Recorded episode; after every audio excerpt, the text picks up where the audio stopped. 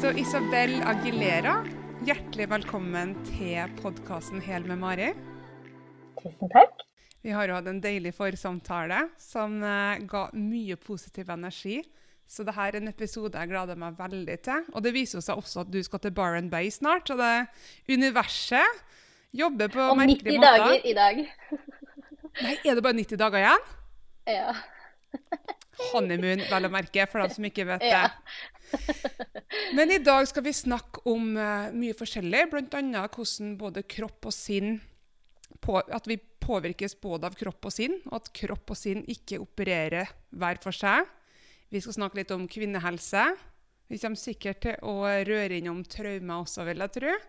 Um, og ikke minst så håper jeg på å lære litt mer om hva osteopat-i er.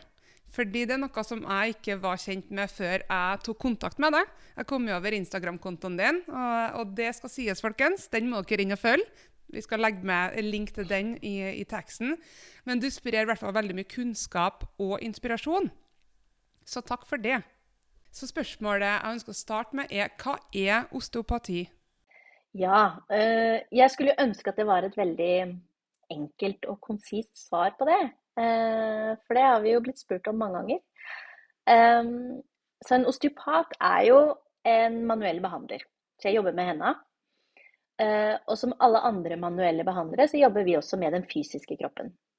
Eh, og vi, sånn som fysioterapeuter, kiropraktor, naprapater, manuellterapeuter, vi lærer jo om den samme kroppen. Vi lærer anatomien, fysiologien, nevrologien, og vi lærer jo teknikker for å tøye eller bøye eller strekke eller knekke. Eh, og teknikkene kan på en måte ikke variere så sinnssykt mye, for det er liksom begrenset hvor mye man kan strekke biceps på forskjellige måter, liksom. Så, så veldig mye er jo likt.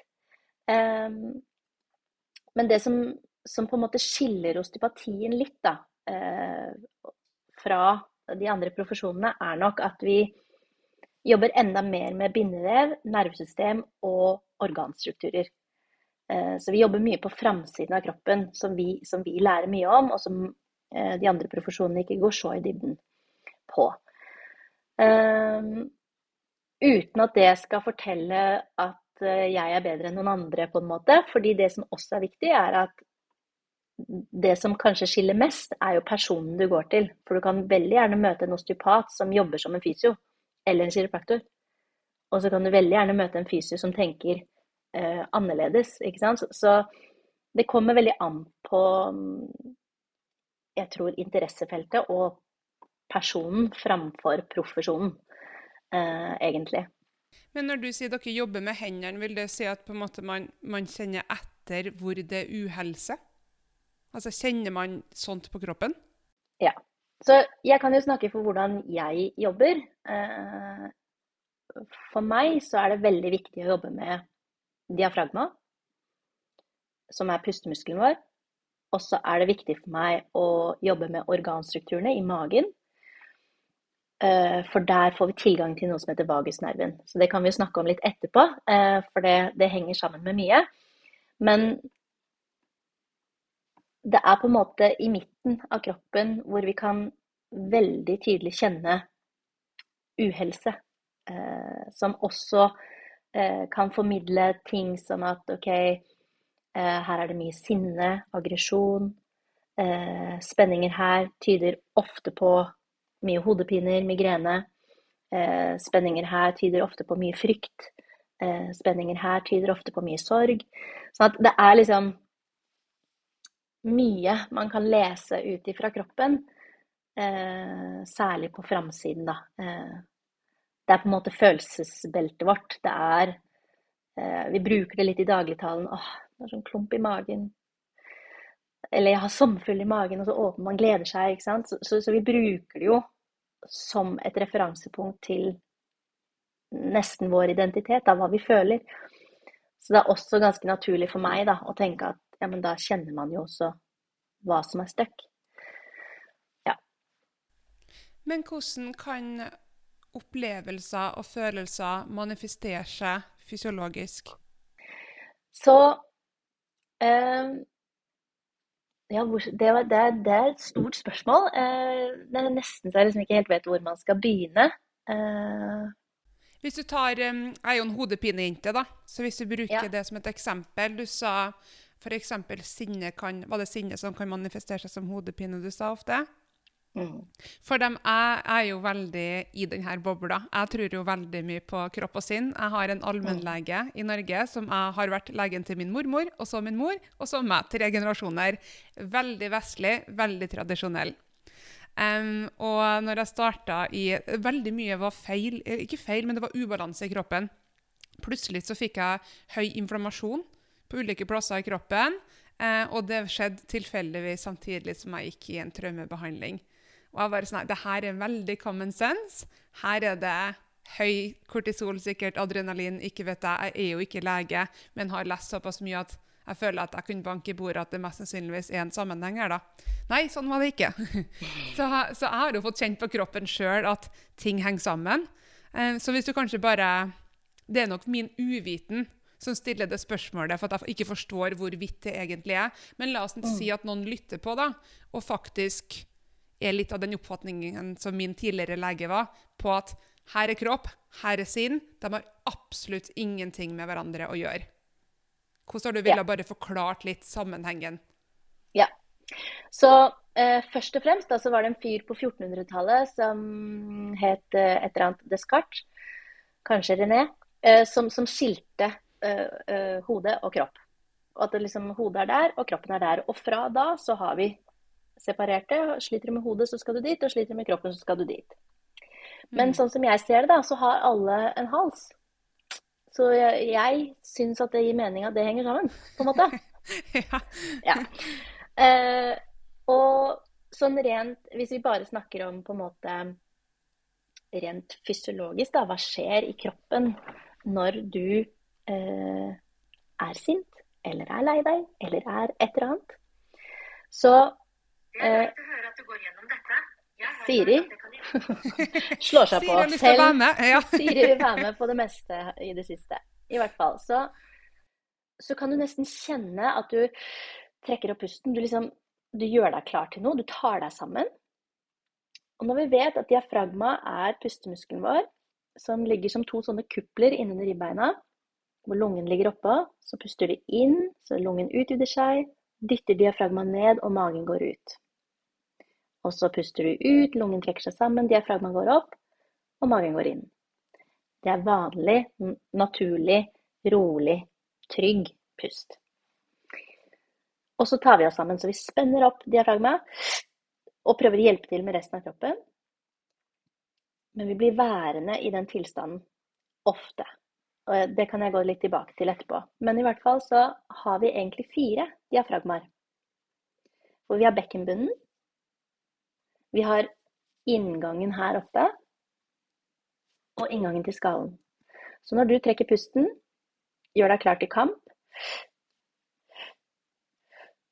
og bekkenbunn. Så du har fire platåer som strammer seg opp, og så blir vi ofte værende her. Og så puster vi liksom aldri helt, helt, helt ut, så kroppen skjønner at den er trygg. Og kroppen din driter i om du er her, ser ut som jeg har liksom fin holdning, eller her, den er bare på. Så det å gi slipp og puste ut vil på en måte signalisere til kroppen at ja, men da, da slapp vi det. Var, nå er vi ikke i fight or flight, liksom.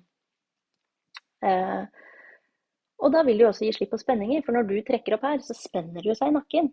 Og så spenner det seg oppover i hodet. Så det er jo det, det fysiske. Eh, men følelsen, sinne og frustrasjon, hører til lever og galle, som ligger på høyresiden. Eder og galle kommer fra noe. Eh, og som ofte da henger sammen med ø, hodepine. Og dette kommer jo mer fra østlig medisin. Det er ikke noe jeg har lært på osteopatien, dette har jeg lært ø, på andre ting. Og det er jo mer energetisk. Uh, og her er det jo nok mange som i vestlig medisin, også i osteopatien, som på en måte tenker at det skal vi ikke snakke om. Eh, og det er greit. Men av, av klinisk eh, erfaring så henger det alltid sammen. Så da Ja. Og kvinner oftere enn menn. Og hvem er det som holder igjen mest sinne og frustrasjon? Jo, det er kvinner. Vi skal liksom være så blide. Eh, mens mannfolka har mer utfordringer med mage-tarm f.eks. Eh, og da mer typ eh, løs mage eller eh, magesår og sånne ting. Eh, for gutter skal jo ikke gråte. Og det henger mer med magesekk. Så mm, det er jo på en måte Alt det jeg snakker om og, og måten jeg tenker på, er jo liksom he, helt fra starten av livet. Eh, hvor vi, vi vokser opp og blir utsatt for og, og satt inn i betingelser, da. Det er, det er, så mange regler, det er så mange systemer eh, som gjør at vi ofte liksom ikke får muligheten til å uttrykke eh, det vi har behov for. Eh, og så er det jo også at alle har forskjellig oppvekst, og hvordan det påvirker hvert enkelt individ, er kjempe akkurat det, individuelt, liksom.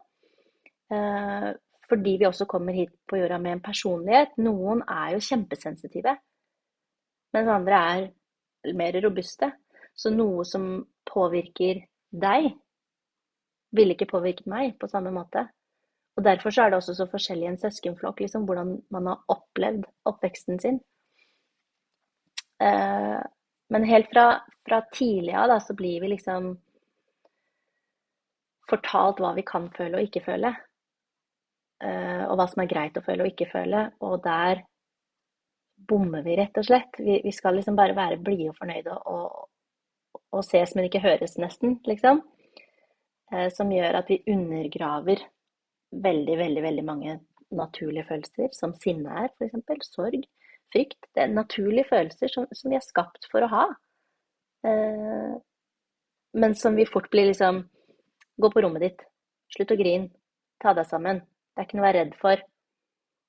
Eh, hvis du Ja, gir det mening? ja, veldig. Det er veldig interessant. Hvis man er f.eks. fra, la oss si, en konfliktsky familie. da.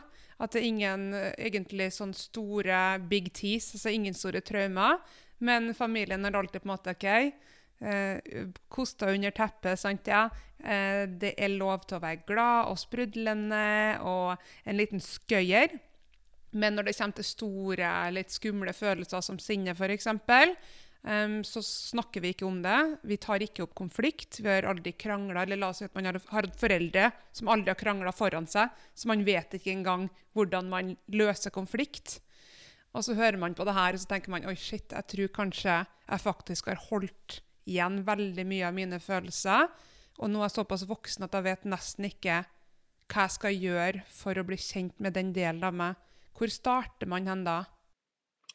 Så jeg tror jo Eh, det er et veldig godt spørsmål. Eh, og jeg tror på en måte det er der Jeg tror det er grunnen til at yoga f.eks. har blitt så populært.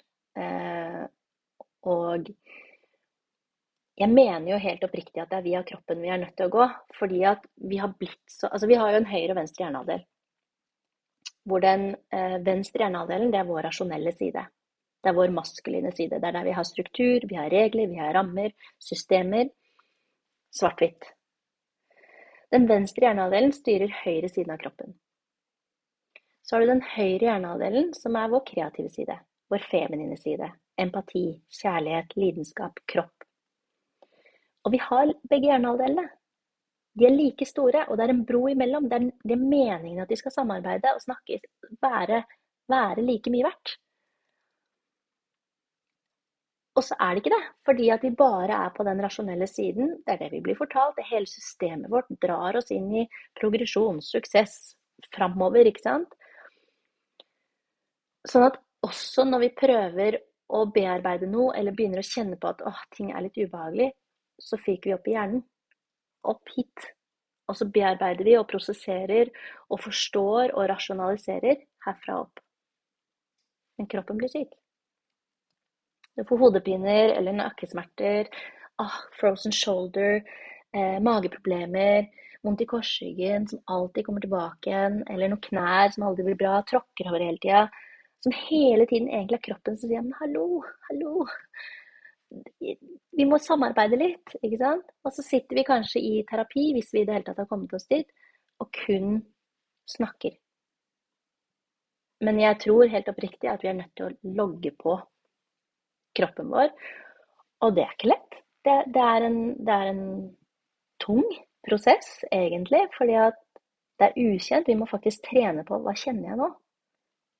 Hvordan oppleves dette?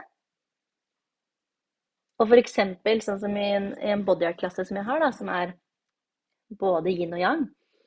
Etter det mest intense så stiller jeg alltid Da har man en liten sånn refleksjonsperiode hvor man hvor jeg stiller spørsmålet liksom Hva kjenner du nå? Kan du kjenne at pulsen din er rask? Kan du kjenne at pusten din er rask? For det gjør man jo, ikke sant, når man trener. Men gjør du det når du har vært i en kjempestressa situasjon på jobb, eller stått i en konflikt? Hva kjenner du nå? Hvor ofte stopper vi opp og bare observerer hva gjorde dette her med meg og kroppen min? Så jeg tror det er første steg, da. Å tørre å kjenne etter hva mm. kroppen sier. Mm. Og det, det, kan være veldig fint å ha noen som holder deg i det. F.eks. Eh, i osteopati eller i et yogarom hvor det er en, en, en lærer som kan se det. Eh, ja. Er det gjennom din kliniske erfaring med um, Du snakka om diafragma og det å puste. Er det gjennom din kliniske erfaring der at du ønsker å videreutdanne innen breathwork? Mm. Definitivt. Så jeg som på en måte har hele tiden tenkt at pusten er liksom Det er litt nøkkelen her til hvordan kroppen skal forstå hva som er bra og ikke bra. Uh, og så på en måte komme innunder hvordan bevisst sirkulær pust kan faktisk fungere, og hvordan det kan gi slipp på så mange ting. Og, og hun jeg, jeg, tok utdanningen hos, hun, hun sa liksom dette her er healing på speed, liksom. Fordi du får så kontakt med deg sjøl. Du, du, du, blir tvunget til å gjøre det. Um, og hele tiden så er det du som styrer. Hvis du føler at det blir for mye, så puster du bare vanlig igjen. Så du har hele tiden mulighet til å styre hvor intenst det skal bli. Og noen syns det er kjempeskummelt, og det er greit, men da har de fortsatt begynt, ikke sant? Det er de som gjør jobben. Og det er det som er nøkkelen, da. Eh, å gjøre det sjøl. Dårlig businessstrategi fra min, da, min side. ja. Men hvorfor er det så skummelt å puste? Jeg hadde faktisk pusteteknikker pusteteknikk og breathwork, noe som er høyt på min personlige bucketliste. Noe jeg har lyst til å lære mer om. Jeg er sikkert påvirka av at veldig mange snakker om det for tida. Um, og så prøvde jeg en guida en i, i, går, for jeg sa da opp min jobb og var litt engstelig i forkant av at det skulle bli offentlig kunnskap. Og så tenkte jeg sånn shit, ok, jeg ble veldig inspirert av min forrige podkastgjest. Hun var meditasjonslærer. Og hun bare 'Nå, Mari, skal du skrive kontrakt med deg sjøl, og du skal meditere.' x antall dager på rad. Så jeg er jo sånn her flink pike. Yes, nå skal jeg ti dager på rad med meditasjon. Og det var ikke nok med meditasjon i går. Jeg måtte gjøre pusteøvelser i tillegg. Mm. Så jeg brukte brukt Insight Timer. Har du hørt om den appen? Nei. Nei. De har, en del, de har 200 000 ulike meditasjoner. Og veldig mange er gratis, faktisk. Ja, det er helt utrolig. Noen mm. er betalt, men veldig mye er gratis. Og så skulle jeg prøve en sånn 16 minutters pusteøvelse. Og hvor mye følelser jeg gikk gjennom, eller altså, den frykta jeg følte. Jeg følte at jeg holdt på å kvartes. Jeg følte at det var ubehagelig. Og så begynte jeg å prikke litt i fingrene. Jeg følte meg litt svimmel. Og det var kun gjennom pusten. Noe som vi egentlig gjør hele tida. Så hvorfor er det så kraftfullt? Hvorfor blir vi redd? Og hvorfor er pust så kraftfullt? Så pust, det er jo liksom kilden til liv.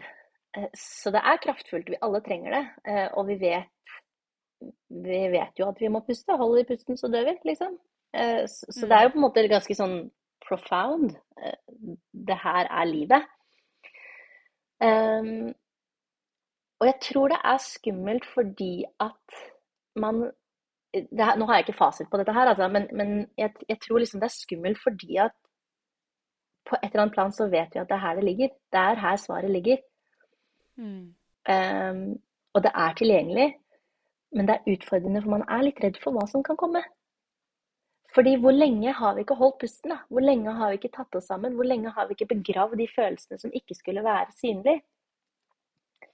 Og når du begynner å kjenne på liksom Å, gud, jeg er så lei meg. Eller Å, jeg er så sint. Jeg er så sint på verden, liksom.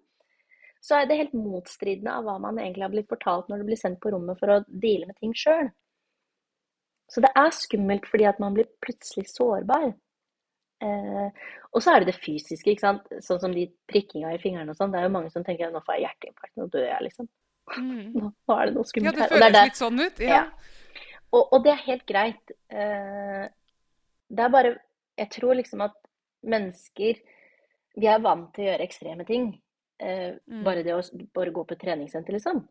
Noen som løfter 100 kg i benkpress. Jeg syns det er ekstremt. Det er jo ekstremt hva man gjør med musklene sine, liksom. Mm. Men det er på en måte litt mer akseptert, da, for da er det for noe. Men eh.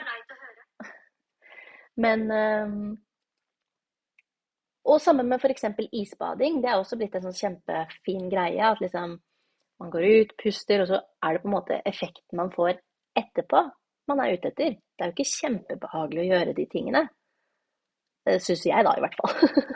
Men hva det frigjør etterpå, er jo liksom det magiske. Og det er det samme med pusten. Når du på en måte står i det og jobber Det er en treningsøkt, rett og slett for å utvikle deg, eh, for å få tak i noe mer. Og med pust, eller breathwork, så er det faktisk å få mer tak i ditt indre. Og det er litt skummelt, fordi at når har man gjort det, liksom? Når har man vært oppfordra til å gjøre det? Veldig sjelden i, i vestlig verden. Vi blir jo liksom tuna inn på at det er det her som er bra. Det er dette vi setter pris på, det er dette du skal. Du skal helst tjene sånn og sånn, og se sånn og sånn ut. Så når man begynner å puste og begynner å kjenne hva er det liksom Ja, men jeg er jo ikke sånn. Jeg vil jo ikke leve sånn. Så er det skummelt.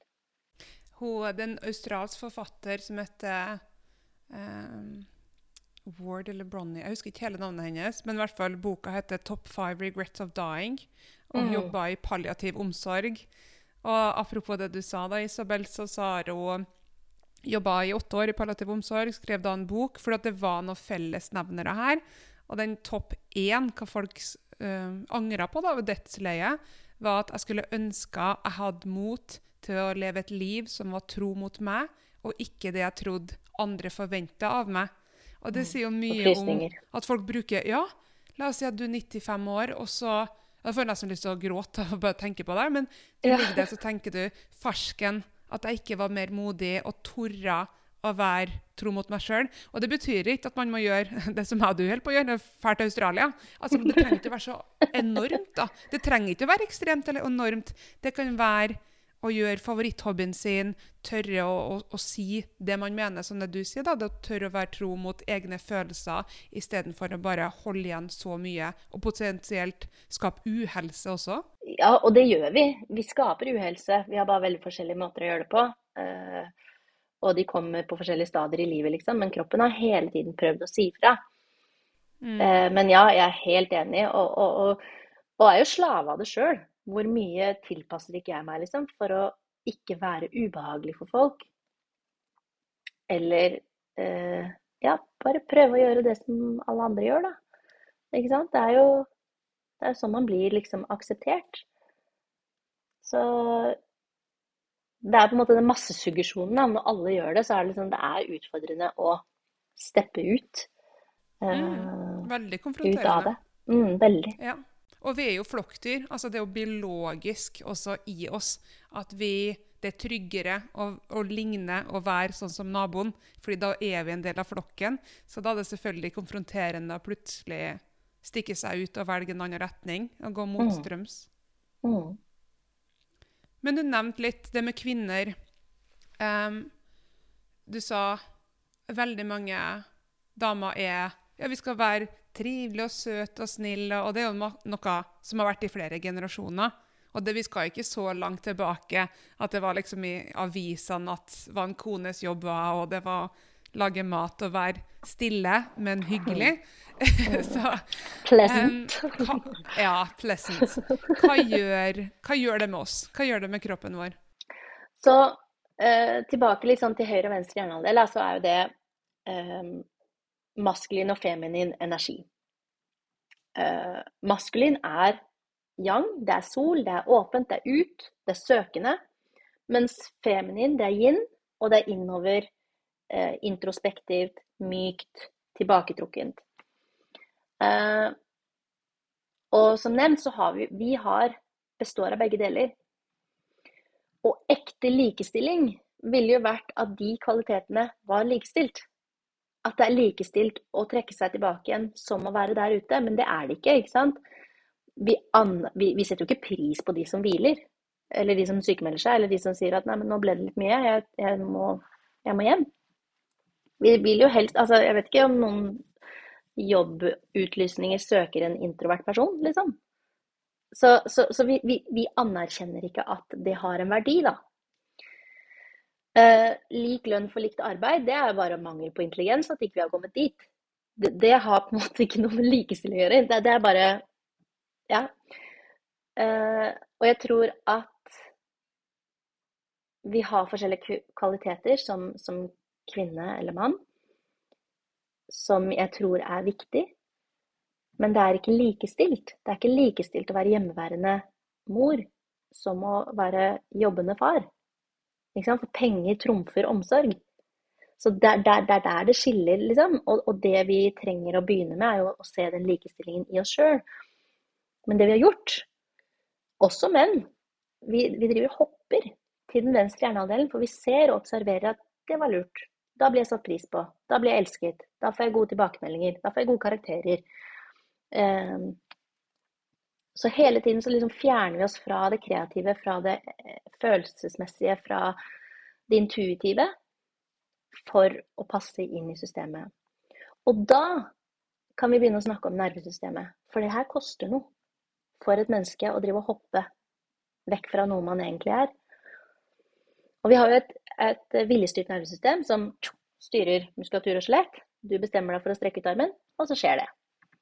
Og så har vi et autonomt nervesystem. Eh, og det ligger litt i ordet, det er automatisk. Og det er det som har ansvar for å holde oss i live. Det er det som gjør at hjertet slår, vi rødmer, vi svetter, vi må på do. Så det er liksom programmert for å sikre din overlevelse. Så hvis du ser for deg at du skal ut og slåss mot en løve, så er det en del ting i kroppen din som skjer for at du skal overleve det møtet. Masse sirkulasjon til armer og bein, og superfokus i ansiktet. Du begynner ikke å kikke etter andre ting å se på. Liksom, er det en blomst der? Du blir superfokusert på den løven. Um, og da har du eh, fire, men tre naturlige responser. Det er fight, møter faren.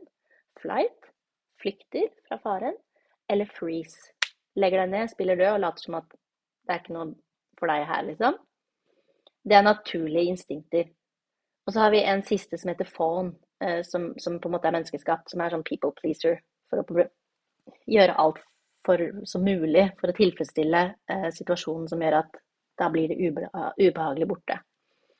Det er jo unaturlig i naturen. Det er ikke sånn at du tilbyr løven liksom vil du kanskje ha litt noe annet enn meg, liksom? Det, vi, vi, gjør jo ikke det. eh, og uansett hvilken respons du har, så er det en del ting i kroppen din som, som blir nedprioritert når du er i en livstruende situasjon. For hovedoppgaven da er å overleve.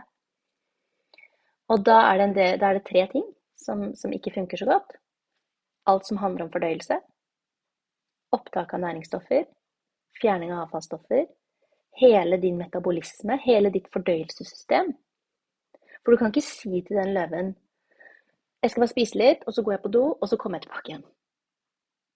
Det, det bare skrus av. Det, det, det, er ikke informasjon der. Punkt nummer to. For oss kvinner så fungerer det, eller det responderer umiddelbart, alt som handler om reproduksjon. For vi er designet for å få barn. Så hvis du er i en livstruende fare, så kan ikke du tenke på sex, for da blir jo du gravid. Og når du er gravid, så er det et lettere bytte.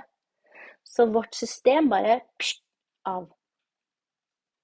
Og det påvirker alt av syklus.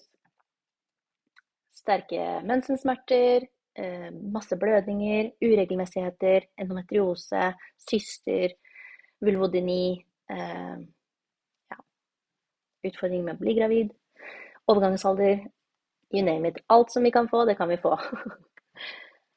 Og så er det den siste, det er selvhelbredelse. Hvordan kroppen evner å reparere seg sjøl, blir også liksom nedprioritert. Hvis du står foran en løve, så driter kroppen din i om du har vondt i en skulder, hodepine, knukket foten. Du løper. Så det er tre viktige eh, systemer som skrus av i livstruende farer. Og så er det jo liksom det store spørsmålet igjen, hva er livstruende farer i vår hverdag? Og der tenker jeg eh, ikke bare livet her og nå, med alt man står i av stress. Sånn som du og jeg også opplever, da. ikke sant? Avslutter noe, slutter inn jobb, eh, møter konflikter eller har liksom ting her og nå. Selvfølgelig er det også løver, det kjenner vi jo på kroppen. Men nå har vi levd variert eh, lengde på jorda her, og vi har møtt mange løver i løpet av livet. Ikke sant? Det er, en løve å oppleve en skilsmisse. Eller det er en løve å flytte på seg. At man blir revet opp med røttene og ikke får vært med i prosessen. Det er en løve selvfølgelig å bli utsatt for eh, de åpenbare traumene. Men det er også en løve å ikke Det er også en løve å bli sendt inn på rommet hvis du er redd eller lei deg og ikke får lov å være i følelsene dine. Så hvor mange løver har vi egentlig møtt i løpet av livet som bare Og så puster vi ikke. Og vi mangler sirkulasjon. Og da ble det jo sikkert kronisk. Nei, jeg syns det var helt fantastisk. Jeg ble helt eh, veldig, veldig revet med. Og det bare viser også variasjon av Jeg syns det var en veldig fin metafor, det med løven. Når møter vi en løve? Og vi gjør det støkk og stadig. Om det er skilsmisse, kanskje har det vært en vanskelig fødsel. Jeg vet veldig mange Man er jo den alderen Jeg har jo ikke egne barn, men man er jo den alderen hvor mange rundt seg eh, har barn, og man hører om barn og fødsler på en annen måte enn det man gjorde når man var yngre og ikke hadde noen man kjente med barn.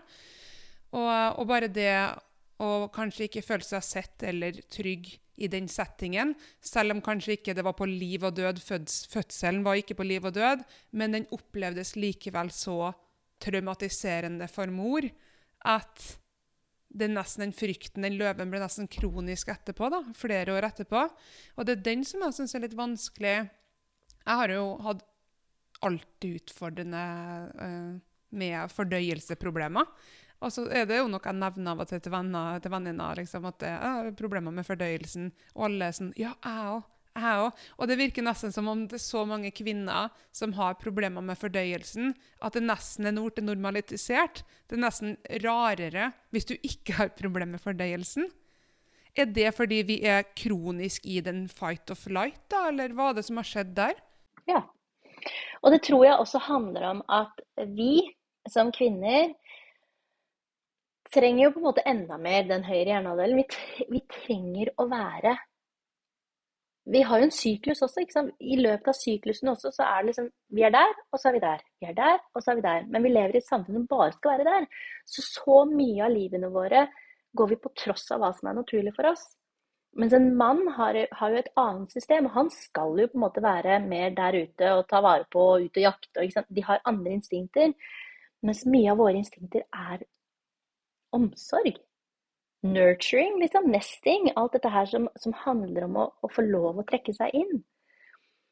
Og hvor mange ganger har ikke en kvinne gått på tross av det, liksom? Og vi lever i, vi er, vi er fortsatt i en overgangsfase hvor vi på en måte får muligheten til å ta plass.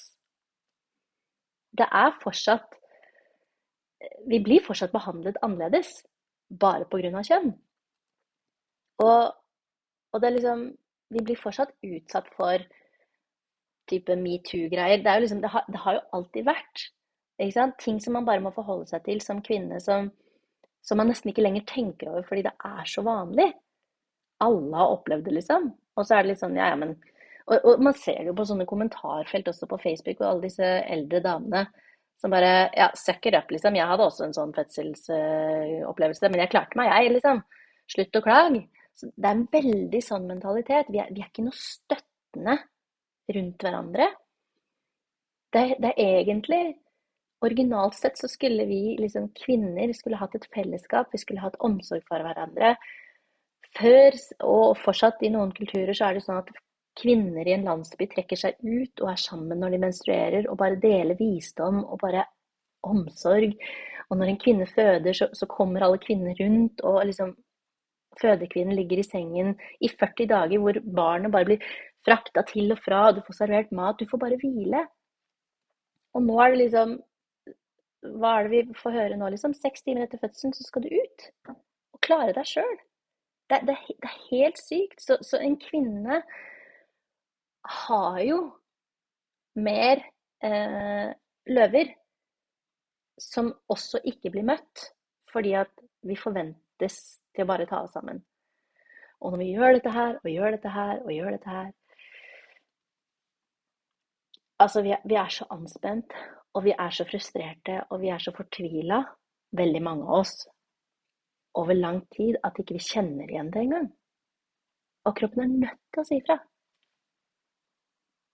Og én ting er jo liksom det følelsesmessige aspektet, som 100% påvirker fordøyelsen, med det som jeg nettopp nevnte. Men, men også det som jeg sa i stad, med kroppen. Når du trekker opp og ikke beveger diafragma, som stimulerer til tarmbevegelse, som tarmen trenger for å på en måte føre ting ut og ta opp. Det er, det, er, jo en, en, bevegelse som skal være der, som ikke er der fordi vi, vi holder igjen.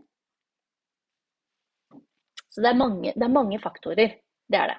Men en kvinnes naturlige tendens til å ha omsorg, er det det du mener med feminin kraft, eller hva er feminin kraft? Ja, jeg tror at feminin kraft er eh, Det er mange ting.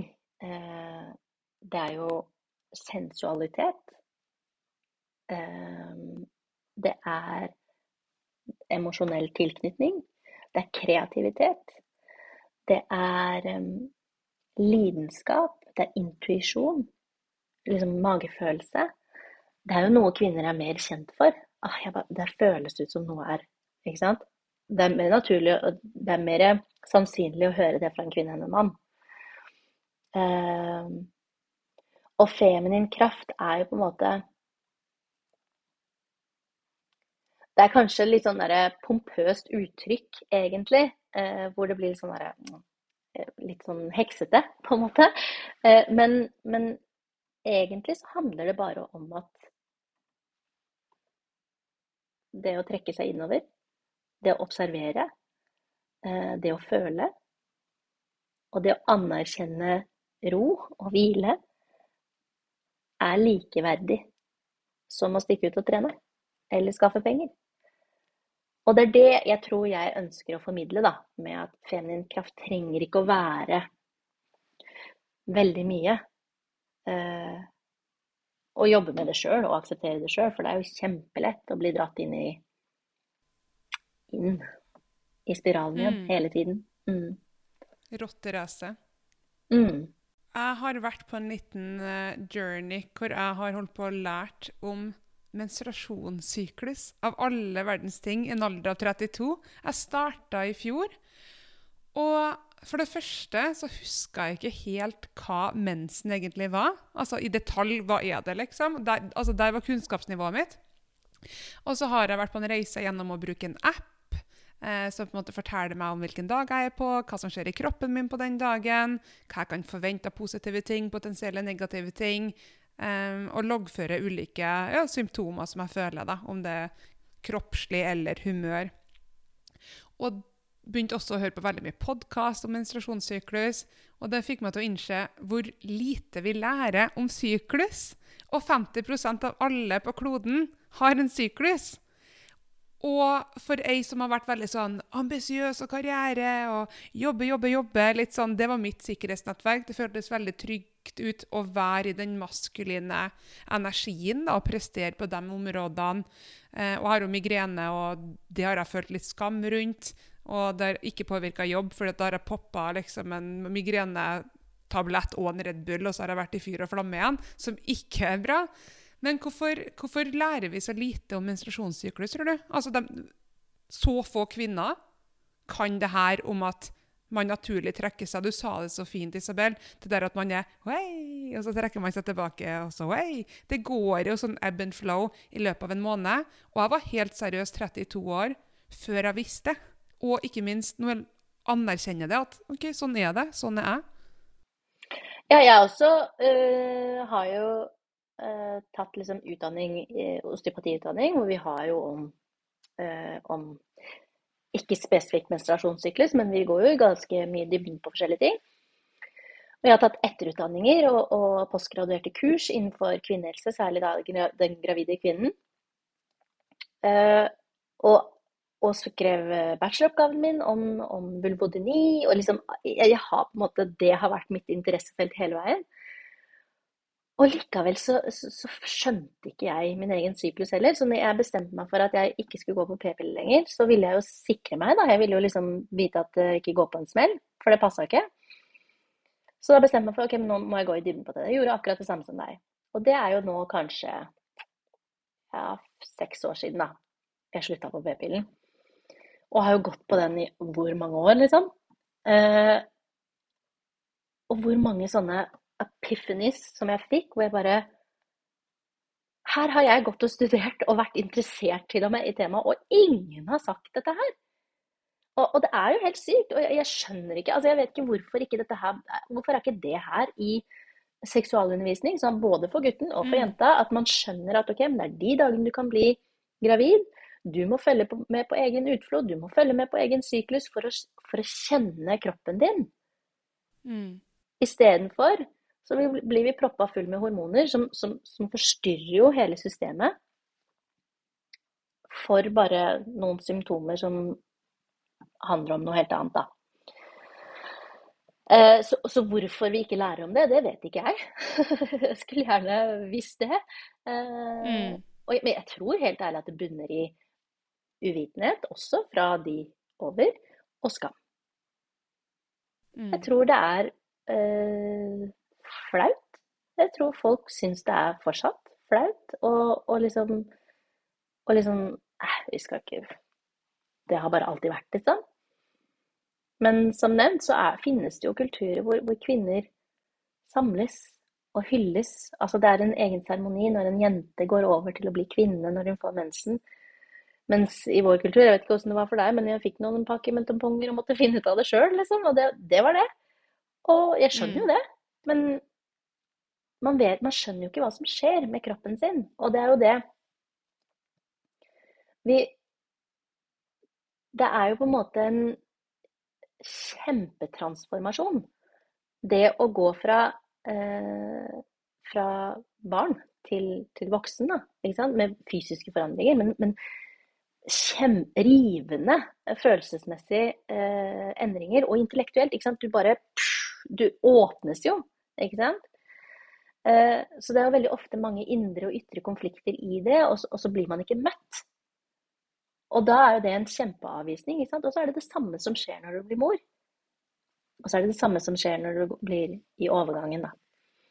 Overgangsalderen. Hvor man liksom Alt det som skjer med kroppen din, er utenfor din kontroll, og man mister seg sjøl litt. Og det er da man trenger mest støtte. Eh, så det hadde vært veldig fint å lære om det et eller annet sted. Mm. Så det er så fint det du sa det med Jeg husker, jeg, lest, jeg husker ikke helt hvor jeg leste, det, men det var en plass uh, i Afrika hvor de hadde Jeg tror de kalte det red tents, sånn som du sa. Altså i The Villages, da, at damene eh, Kvinnene gikk ut av villagen og hadde full tillatelse til å ta det med ro. Det var sisterhood, eh, medsøstre. De snakka, de pleia hverandre. Um, det er en veldig veldig fin ting. Og vi er, vi er, blitt veldig individualistiske både i Norge og Vesten for øvrig. Selv om Norge Jeg studerte jo business management, altså det er min uh, faglige bakgrunn. Men der har du noe som heter hoffstedets kulturdimensjoner, da, som man bruker i internasjonal ledelse. Um, og det er oss og altså Skandinavia og noen asiatiske land som har høyst feminine verdier i samfunnet. Så, så, til å være et vestlig land så scorer vi faktisk heldigvis ganske høyt. Men, men, det er ganske fascinerende. og jeg tror, Var det et land i Spania nå som har innført det er lov til å ta fri når du menstruerer, eller ubegrensa mensendager? Og det er jo, ikke sant, Hvis vi, hvis vi tenker på årstidene, så, så syklusen er jo også som årstider. og, og menstruasjon er liksom vinter, eh, yin, som handler om å gå innover. Og innover så har vi så mye visdom, og det er der, sant, i disse red tents og sånne ting, så sitter man på en måte og bare er visdom. Fordi man er i seg sjøl.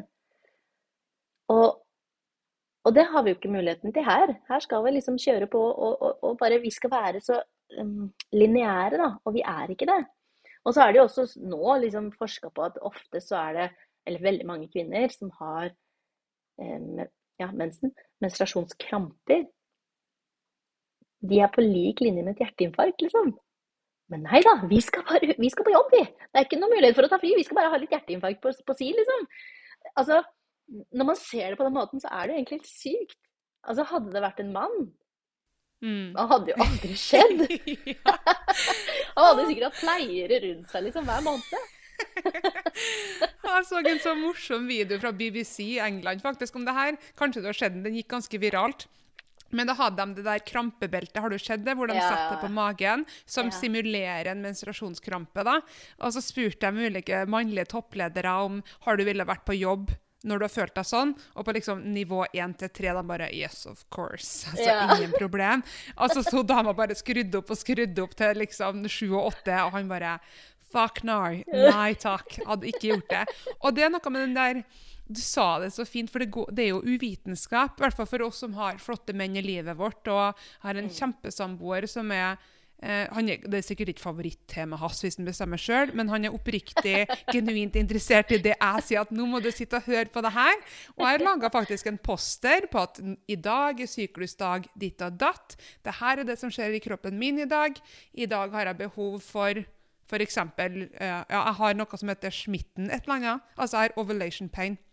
Jeg visste ikke at det var et ord for det, men min ovulation er vondere enn menstruasjon, f.eks. Eh, og er veldig mye mer cranky midt i syklusen enn på slutten. Så, og ved at han også har fått forståelse for det, så er det sånn La oss si at det er noe jeg har gjort som irriterer han, som kan vente. Da er han respektfull nok til at han bare OK, jeg trenger ikke å ta det på de her to dagene. For at jeg har 28 andre dager jeg kan ta det opp på. Og det er på en måte den forståelsen der, da. Ja. Eh, så jeg tror at har menn kanskje visst da Ikke alle, vel å merke. Sorry, men det er faktisk noen som er totalt uinteressert i både likestilling og kvinnens kropp, og det må vi bare leve med. Men, men jeg tror nok veldig mange ikke vet. Og jeg ble jo satt på p-piller superung. Jeg tror jeg var 13 år fordi jeg hadde heavy menstruation. Og jeg hørte en podkast i fjor når jeg tok et dypdykk i det her. Eh, jeg har slutta da på prevensjon, for jeg var nysgjerrig hvordan er kroppen min? Nå har jeg gått på p-piller snart i 20 år.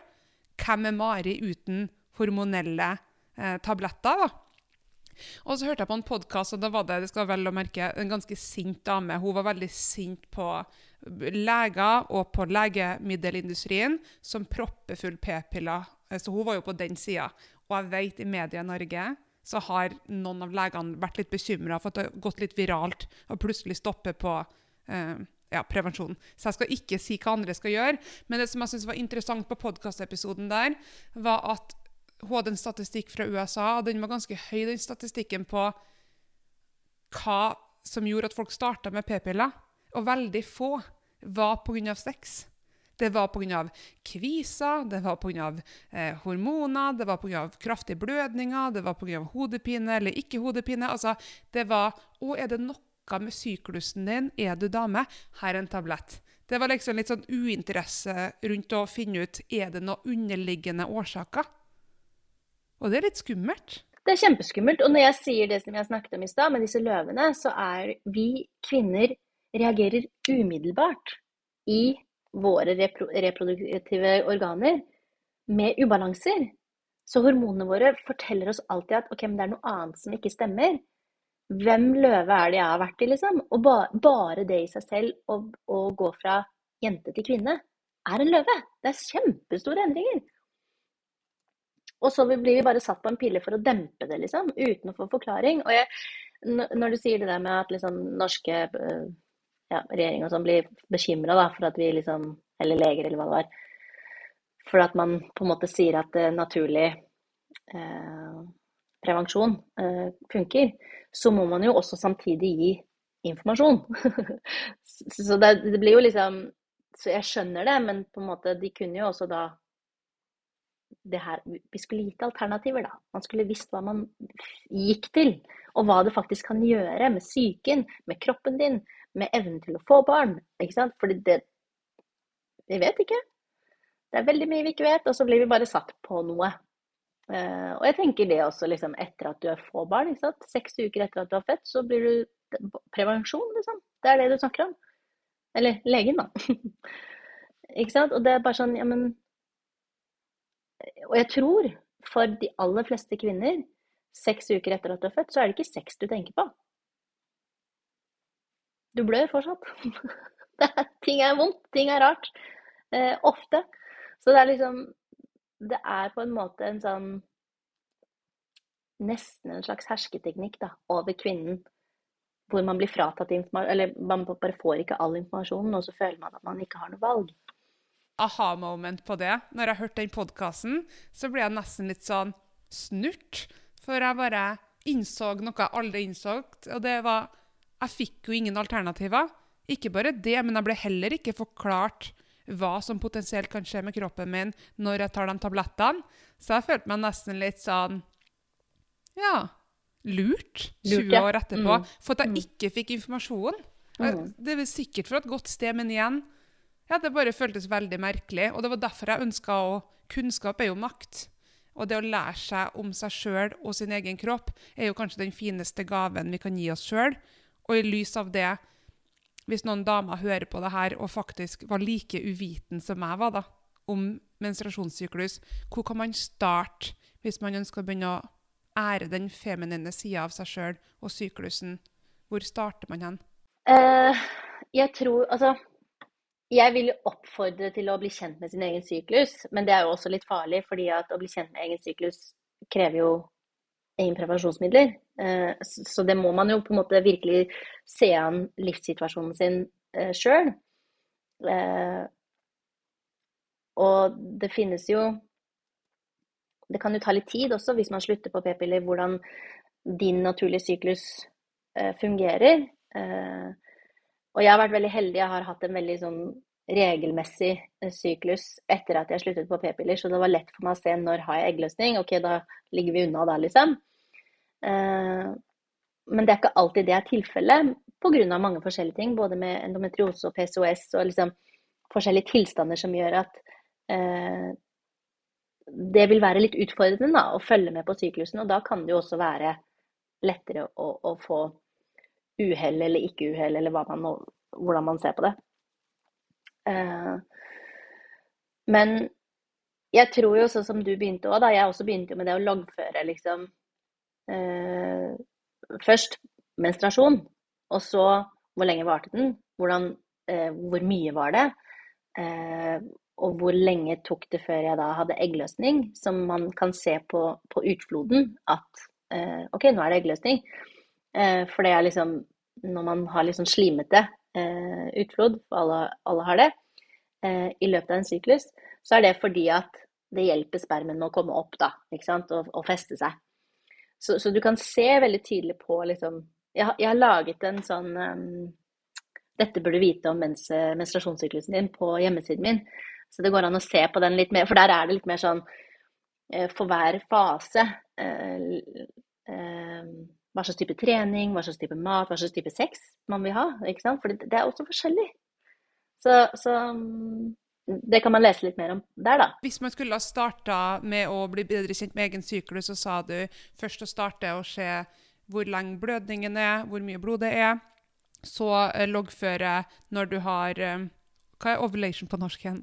Eggløsning. Eggløsning, takk. Ja. ja. Eggløsning. Ja. ja, så dit hadde vi kommet. Ja. OK. Og det er liksom Det er sånn som du sier at mange har jo faktisk mer smerter under eggløsning. Og uh, sånn som jeg, jeg, har opplevd Jeg har aldri kjent eggløsning før etter at jeg fødte. Og den første eggløsningen, da trodde jeg helt seriøst at jeg hadde fått kreft. For magen bare hovna opp og ble kjempestor. Og jeg kjente det var en kul. Det var liksom på høyre side. Det var liksom høyre eggstokk som skulle slippe et egg. Første egget etter et år. Uh, og jeg dro jo på sånn hastetime til, til gynekolog privat, for jeg var liv, plutselig blitt veldig redd for å dø da, fra dattera mi. Etter at jeg blitt veldig redd for å dø etter jeg fikk barn.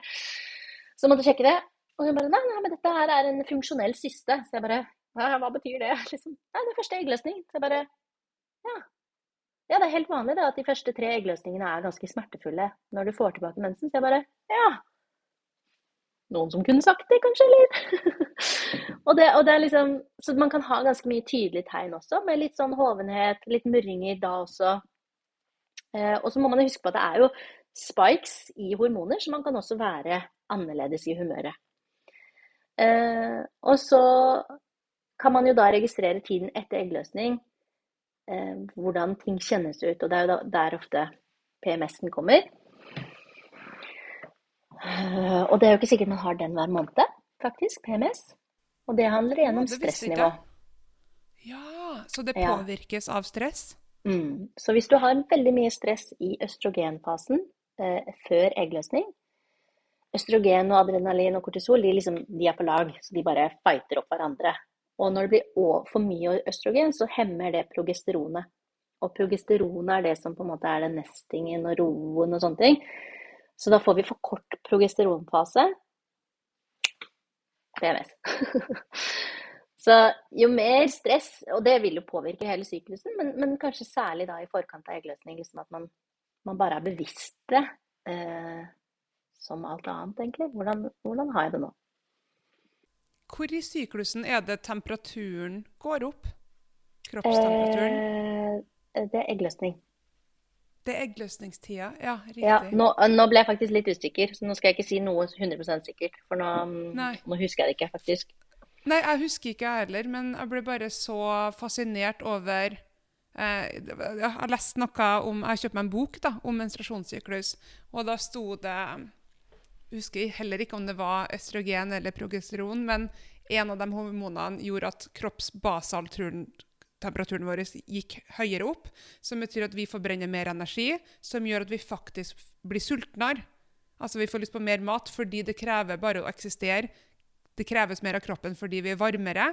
Det er mer ubehagelig å sove. Jeg har jo søvnvansker av andre årsaker, men det er også interessant å se hva av søvnvanskene er det som påvirkes av syklusen, og hva det er som er psykologisk. da. Så jeg bare synes, jeg ble helt sånn nerde helt ut på det her. Jeg syns det er superinteressant å se hvordan ja, ting henger sammen. Ja, mm. Og også det at man kan se når man faktisk er fertil da, i løpet av en mm. måned. At mm. kroppen sier fra. Og jeg var sånn mm. Wow! Det er et underverk! altså, jeg ble så takknemlig og fascinert. Jeg bare Shit, vi er badass hardcore women. Det er jo dritkult at vi kan lage barn, bære fram barn, og at kroppen forteller oss når ting kan skje. da. Mm, definitivt. Og det, så, det, apropos liksom, eh, det der, da, hvis man skal på en måte over til naturlig eh, prevensjon, eh, som jo er å ikke gå på noen prevensjon, men følge med på sykehusen, så vil jeg jo anbefale å gå enda mer i dybden og, og, faktisk kjøpe noen av disse produktene som er en sånn temperaturmåler og altså Det er veldig mange ting som, som eh, ikke bare er å loggføre. Og som jeg sa innledningsvis, for det er viktig for meg å presisere at dette her var noe som funka for meg fordi at eh, syklusen min har vært veldig regelmessig og veldig tydelig. Eh, så det har vært veldig lett for meg. å liksom Vi har ikke blitt gravide uten å ønske det, og ble gravide med en gang når vi ønsket det, fordi at det var så tydelig. Og det, jeg vet at det er egentlig veldig sjeldent, eh, dessverre, nå. Så hvis man ønsker å gå i dybden på sin egen syklus, eh, så finnes det veldig mange dyktige kvinner som, som lærer bort det. Eh, og jeg vet om én som holder på her i Norge og på nett, da, som driver med eh, Our Fertility, som jo er liksom fertilitetsretta. Eh, men, men eh, og hun har også snakket på en del podkaster, eh, bl.a. Femi helse, eh, som jeg har hørt en del på da jeg gikk i dybden på dette her. Så det er veldig, veldig mange som kan mye mer om det enn meg. Eh, for jeg ser jo mer, jeg ser mer på liksom litt det overfladiske med at liksom Ja, sånn fungerer syklusen. Ja, men da Og hvordan påvirker stress? For jeg er jo liksom mer inne på det med stress og, og helheten i systemet. Så hvis man ønsker å gå enda mer i dybden på syklus, eh, så vil jeg anbefale også at det er mange andre som, som er kjempedyktige eh, på det. Mm. Takk for tips. Jeg skal linke, sørge for at det også er linka i teksten. Men innledningsvis, når vi snakka litt om sammenhengen mellom kropp og sinn, så nevnte du vagusnerven. Hva, hos, hva spiller vagusnerve for en rolle i kroppen vår? Så vagusnerven eh, er jo liksom sjefen, syns jeg, da. eh, og er en av hjernenervene våre. Eh, og som går da ut gjennom skallen, går innom halsen, går innom lungene, innom hjertet og alt av indre organer.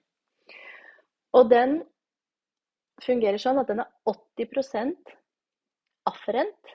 Og det betyr at 80% av dens eh, funksjon er fra utsiden og inn til hjernen. Så det vil si at 20 er fra hjernen og ut til kroppen. Så den er en sånn sensor som tar imot. Så når jeg snakket om det i stad, at liksom åh, kjenner en klump i magen, inn til vagusnerven, sender det opp. OK, hva føler vi nå? Og responderer deretter. Så vagusnerven, det er jo eh, over, Oversatt så er det den vandrende nerven. Eh, som jeg egentlig mener er den rogivende. Eh, og når jeg da jobber med magen, når jeg jobber med, med diafragma, så kan man liksom nesten kjenne hvor anspent et menneske er. Hvor mye panser, hvor mye rustning man har tatt på seg. Eh, og når man er trygg, når man puster, så er det åpent, og man får tak, og bindevevet slipper og sånne ting. Og det er jo liksom via vagusnerven, da. Så uh, vagusnerven har jo da også ansvar for fordøyelsen og alle disse tingene som, mm, som blir nedprioritert hvis man står foran en løve. Så uh, Ja, og, og den får man jo tak i via pust. Er det flere måter man kan stimulere vagusnerven på, eller er på en måte åndedrag og pust den eneste måten? Ikke den eneste måten. Eh, det er den måten jeg har gått i dybden på. Men det er jo f.eks. med isbading. Eh, man kan gjøre øyebevegelser så man kan få, få tak i, i vagusnerven. Man kan synge, sjanting i yoga f.eks. Ved å jobbe med stemmen. Eh, synge, danse, le. Altså sosiale kontakter. Hvis man føler seg føler en tilhørighet. Så det, det, er veldig mange ting som på en måte mm, hjelper vagusnerven på banen. Og det er jo igjen ganske individuelt hva som gir deg ro, og hva som gir meg ro. Eh, For meg så er liksom det beste jeg vet, er å være alene hjemme og lese en bok, tenne lys, drikke te, sånn typisk, liksom. Mens for noen så er det kanskje å strikke eller lage mat eller høre på eller se på sjøen. Altså det er så mange ting mm, og det er også et spørsmål jeg pleier å spørre mine pasienter om. Liksom, hva er det beste du vet å gjøre? Bare for deg. Bare for deg. Og hvor mange som bare Oi. Ja, hva er det? Fordi man kanskje aldri har tenkt på det. Og jeg har en annen metafor som jeg også pleier å bruke, og det er mm, en stekeplate. Um, hvis du skal hjem og koke vann, og ikke ha vannkoker, og vil gjerne liksom fyre opp, så, så setter du jo på full guffe. Du setter den ikke på to for å vente til det koker, liksom. Det har vi sjelden tålmodighet til. Så vi setter den på full guffe, får det til å koke. Og det er jo når vi står i en situasjon. Om det er en positiv eller negativ eh, situasjon, det spiller ingen rolle. For det kan være trening, og det kan være en skilsmisse. Men det kan også være å gifte seg. Eller få barn. For det, det er bare, du er veldig til stede i det som skjer. Så, så det har ikke noe negativ eller positiv fortegn på det. Det bare er noe som krever din oppmerksomhet fullt og helt. Når du er ferdig med å koke vann, så skrur du av plata. For vi vet at det er farlig å ha den plata på. Både på full guffe, men det er også farlig å la den stå på to. Du lar den ikke stå på lunk bare fordi du skal bruke den i morgen, liksom. Hvisker du av plata. Fordi at hvis ikke vi gjør det, så kan sikringa gå. Og i verste fall så blir det brann, og huset blir borte, liksom. Og det er det som skjer med kroppene våre også. Når sikringa går, så er det liksom kroppen som prøver å si fra at du, nå er det noe gærent. Nå fikk du migrene. Sikringa gikk litt. Eller nå ble du dårlig i magen. Eller nå ble det forstoppa. Eller nå fikk, fikk, du vondt i skulderen igjen eller nakken. Et eller annet som kroppen prøver å formidle. Liksom, du, nå må vi skru av. Eh, og så har du selvfølgelig de kjipe hvor det bare eksploderer ikke sant, med, med, mer. Men hva er det som gjør at du skrur av stekeplata? Hva, hva er det som gjør at du liksom kjenner ro? Eh, så det er også en sånn en metafor som jeg pleier å bruke for folk får det litt vis visuelt, da, rett og slett. For et deilig spørsmål. Og så utrolig trist at så mange ikke vet svaret. Og at svaret ikke kommer veldig raskt. Sikkert fordi at de har vært i den bobla som vi snakka om. Da, og at det er veldig mye maskulin energi med at det er prestasjon, det er rotterace, det er tempo. Eh, kanskje har de også en tendens til å sette alle foran seg sjøl, og kanskje spesielt for mødre, som da har en fysisk ting som er fysisk avhengig av seg i veldig mange år rett etter fødsel, og så mister man seg sjøl kanskje litt, da. Og der, der, er jeg nå. Det er to og et halvt år siden jeg fødte snart. Og, og, jeg har på en måte sett det, men jeg har ikke klart å ta vare på meg sjøl på samme måte. Har, og, og, liksom hvordan man ser at shit, jeg har alltid vært sånn at det har vært så viktig for meg at alle rundt meg har det bra. I så stor grad at jeg sletter ut meg sjøl. Og, liksom, og, kroppen min har jeg prøvd å si fra. jeg har hatt masse greier nå som jeg aldri har hatt før. Jeg har hatt det egentlig veldig fint og, og, vært heldig med kroppen min. Og liksom Eksem har kommet, og jeg har å, masse hodepine igjen. Og forstoppa. Og så, liksom, altså, det har vært så mange greier som liksom Ja, jeg skjønner det, men, men Og til og med jeg også. Bare ja, hva, å, hva var det jeg likte å gjøre igjen? Hvordan skal jeg få til det? Fordi at når jeg legger meg ned og leser Eh, kommer selvfølgelig an på hvilken bok, da, men hvis, hvis, det er en bok som jeg liksom ikke helt kom inn i, så er plata på full fyring fortsatt. For jeg tenker på alt jeg burde eller kunne eller skulle ha gjort. Så jeg, jeg, trenger enda mer hjelp. ikke sant? Så jeg også trenger jo eh, behandling, jeg trenger pusten, jeg trenger yogaen for meg sjøl.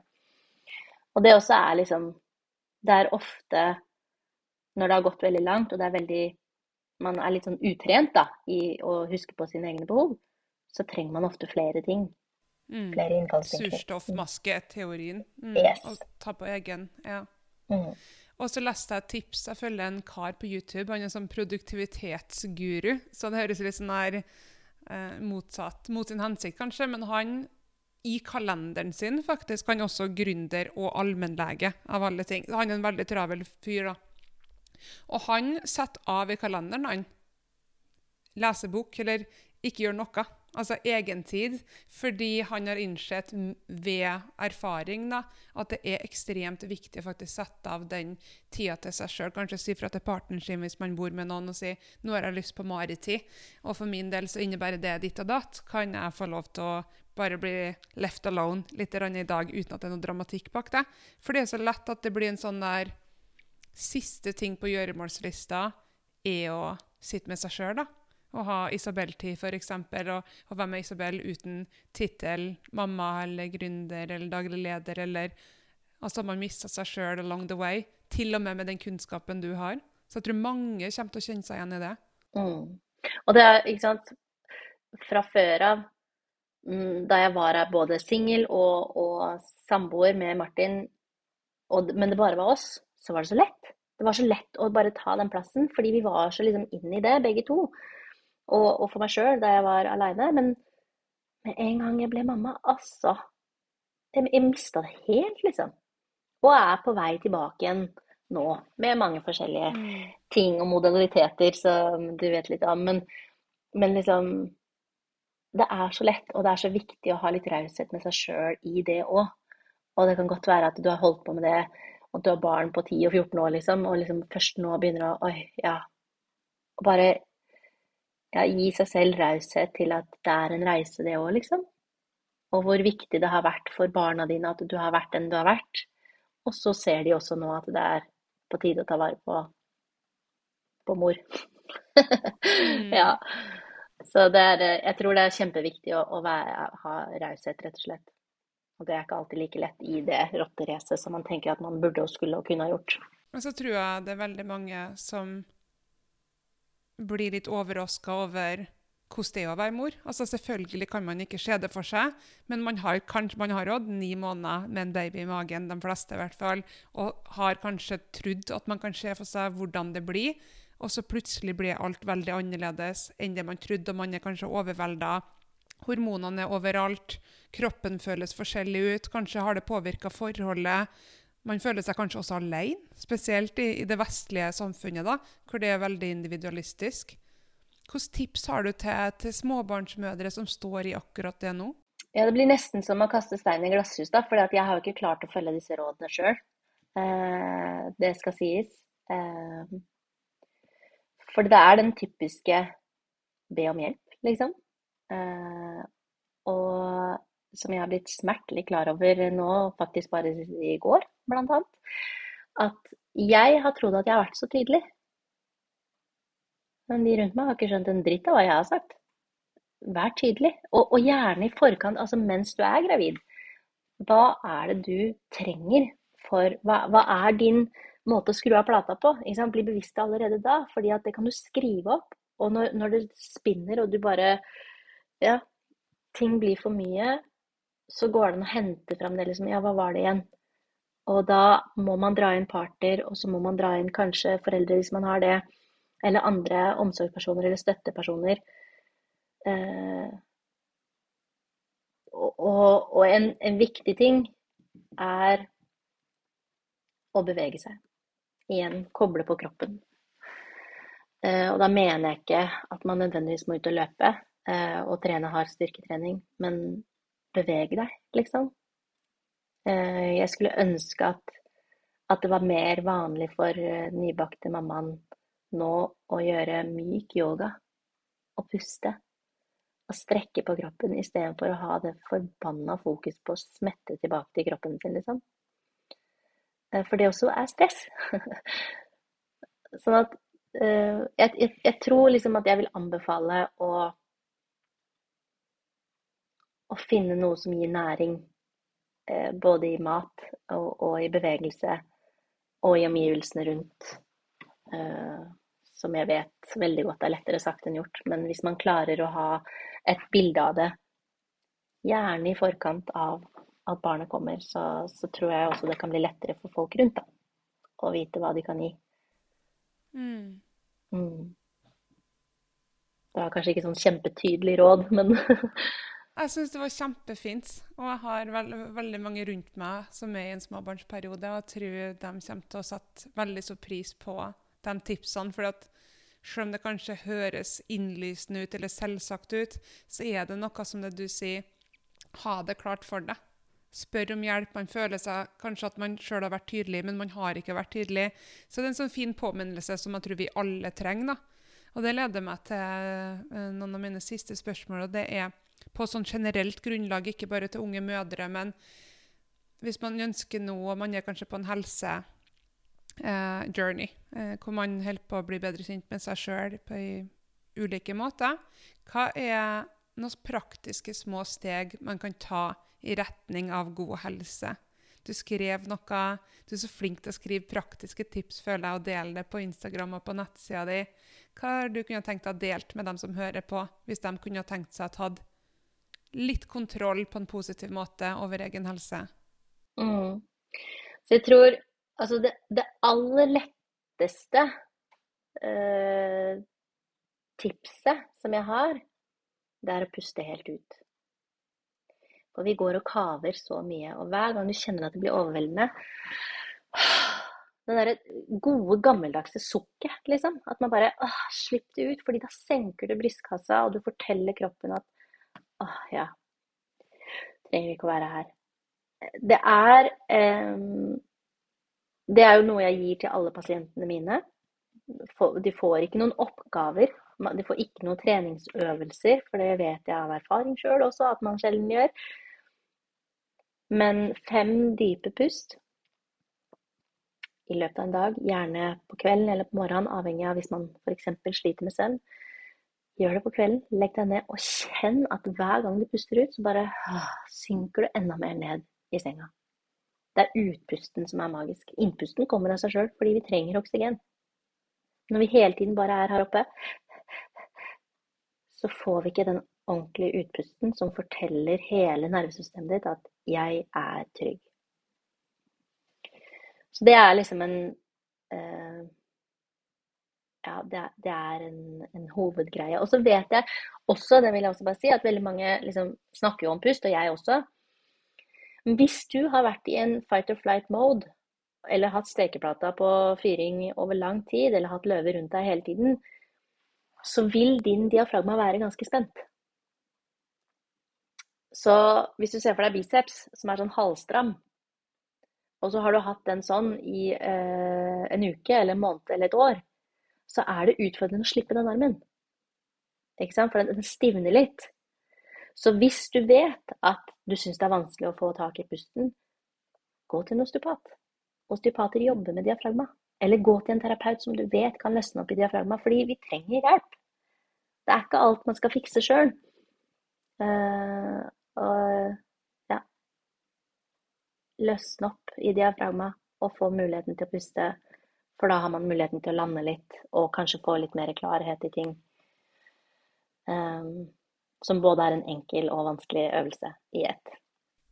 Takk. Det var deilig, deilig svar. Du har i hvert fall inspirert meg til å virkelig sette av tid og øve på det å puste. For det er en sånn ting som jeg har unngått, for jeg syns det er litt ubehagelig. For jeg tror jeg, jeg har jo vært i fight of flight og freeze and fond, en kombinasjon av alle fire, egentlig, over mange år. Så føles, det føles nesten ut som jeg kveles, fordi jeg føler at lungekapasiteten min går ikke lenger enn bare øverste del. Da. Jeg føler at jeg har ikke lunger lenger ned, hvis du forstår. Så de dype åndredagene er ganske utfordrende for meg. Men jeg har jo lest så mye og hørt så mye om fordelene det gir. Så det har virkelig inspirert meg til å, å ta det seriøst. Da, faktisk, for det er ingenting som blir av seg selv. Du må faktisk praktisere. Du må ha disiplin til å gjøre det mer enn to ganger. Og, og tørre å stå i ubehaget da, til kroppen din blir litt mer Slippe opp da, og si OK, det er kanskje ikke livsfarlig å være til stede. Det er kanskje ingen løver her nå. Det er en annen situasjon. Kanskje får vi til å puste nå uten at det er fare for liv og helse. Jeg bruker å avslutte eh, episodene mine med to spørsmål. og ene er hva syns du det er å være hel? Hva legger du i det å være hel? Um, det er et eh, godt spørsmål, et ganske stort spørsmål. Fordi jeg har liksom hele tiden tenkt at det å være hel handler om å ha kontakt med kropp og sinn og følelser, og se på seg selv som en helhet. Og det mener jeg jo fortsatt. Men jeg tror kanskje mer og mer at det å være hel, er å være hel i et samfunn. Flere heler blir bare mer hel. Fordi at hvis man selv på en måte jobber med det og prøver, men, men møter så mye motstand fordi at andre ikke er hele, og fordi andre ikke har kontakt, så kommer det tvil, og så kommer det liksom ensomhet, og så kommer det eh, vonde følelser det, det, det, det, påvirker oss veldig mye, da. At, at, vi som samfunn ikke har det fokuset om å være hel. Så selvfølgelig først jobbe med seg sjøl, men jeg tror også at vi trenger en helhet i eh, communities, liksom. Mer og mer. Hva med sitat eller bok? Har du en sitat eller bok du ønsker å dele med oss? Et tips? Ja, faktisk. Eh, fordi jeg, du sendte jo det spørsmålet at du kommer til å, spørre om det. Og jeg har Jeg elsker å lese, og jeg har alltid lest masse. Og jeg har en del bøker som liksom har vært sånn åh, Det er jo små biblene mine, liksom. Å, så deilig. Jeg elsker folk ja. som elsker bøker, så jeg blir så ivrig. For noen er sånn Nei, jeg leser ikke noen bøker. Og det er helt i orden. Altså, jeg bare ja. har penna mi klar her. OK? Ja. ok. Så men det jeg har gjort, da For lenge siden, også når jeg hadde det ganske kjipt, så lagde jeg min egen lille bok. Eh, og inni den boken så har jeg skrevet mine favorittsitater, og den er full. Så, så, jeg måtte liksom bla litt inn i den for å finne Isabel, you're my favorite person. Jeg elsker det. Og så står det vel å merke 'Meditate, don't hate' ja. står det på forsida ja. av boka til Isabel, faktisk. For dem som hører og ikke ser på podkasten. så bra. Så, så, jeg fant og, og, da er det liksom fram en del av mine favorittbøker. Jeg kan jo bare nevne de for deg, sånn at du kan skrive ned. Og så skal jeg lese et, uh, et sitat som jeg følte passet veldig bra i dag. Så eh, bøkene, det er 'Illusjoner', 'Den niende innsikt', himmelske samtaler, eh, manuskriptet fra Akra og eh, håndbok for, for, for, lysets krigere. Så det er mange. Jeg kan, jeg kan sende det til deg. Og det sitatet som jeg fant, som jeg fant eh, som, For jeg satt, selvfølgelig satt ekstra prikker på de jeg liker best, også av alle disse sitatene her. Så um, den her er fra manuskriptet fra Akra, som er Paulo Coelho som har skrevet. Uh, så den kommer nå. Hvis vi klarer å motstå fristelsen til å la andre definere hvem vi er, kan vi etter hvert klare å la solen som finnes i sjelen vår, skinne. Og den var veldig fin. Kan du lese den en gang til, Isabel? Jeg syns den Ja. var så fin. Jeg skal mer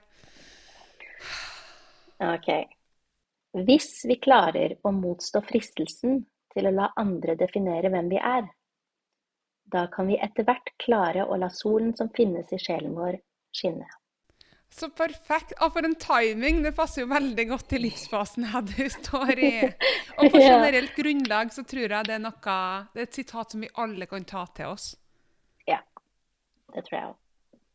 Nydelig. Mm. Tusen takk. Dette har vært en kjempedeilig samtale. Jeg har nesten vondt i kinnene fordi at jeg smilet mye. Og, ja, du har inspirert meg og lært mye, så takk for at du tok deg tida, Isabel. Takk for at jeg fikk komme. Velkommen til Byron Bay om 90 dager. Ja, jeg gleder meg. Tusen takk for at du hører på podkasten Hel med Mari. Sørg for at du aldri går glipp av en ny episode ved å følge Hel med Mari podkast på YouTube og på Spotify.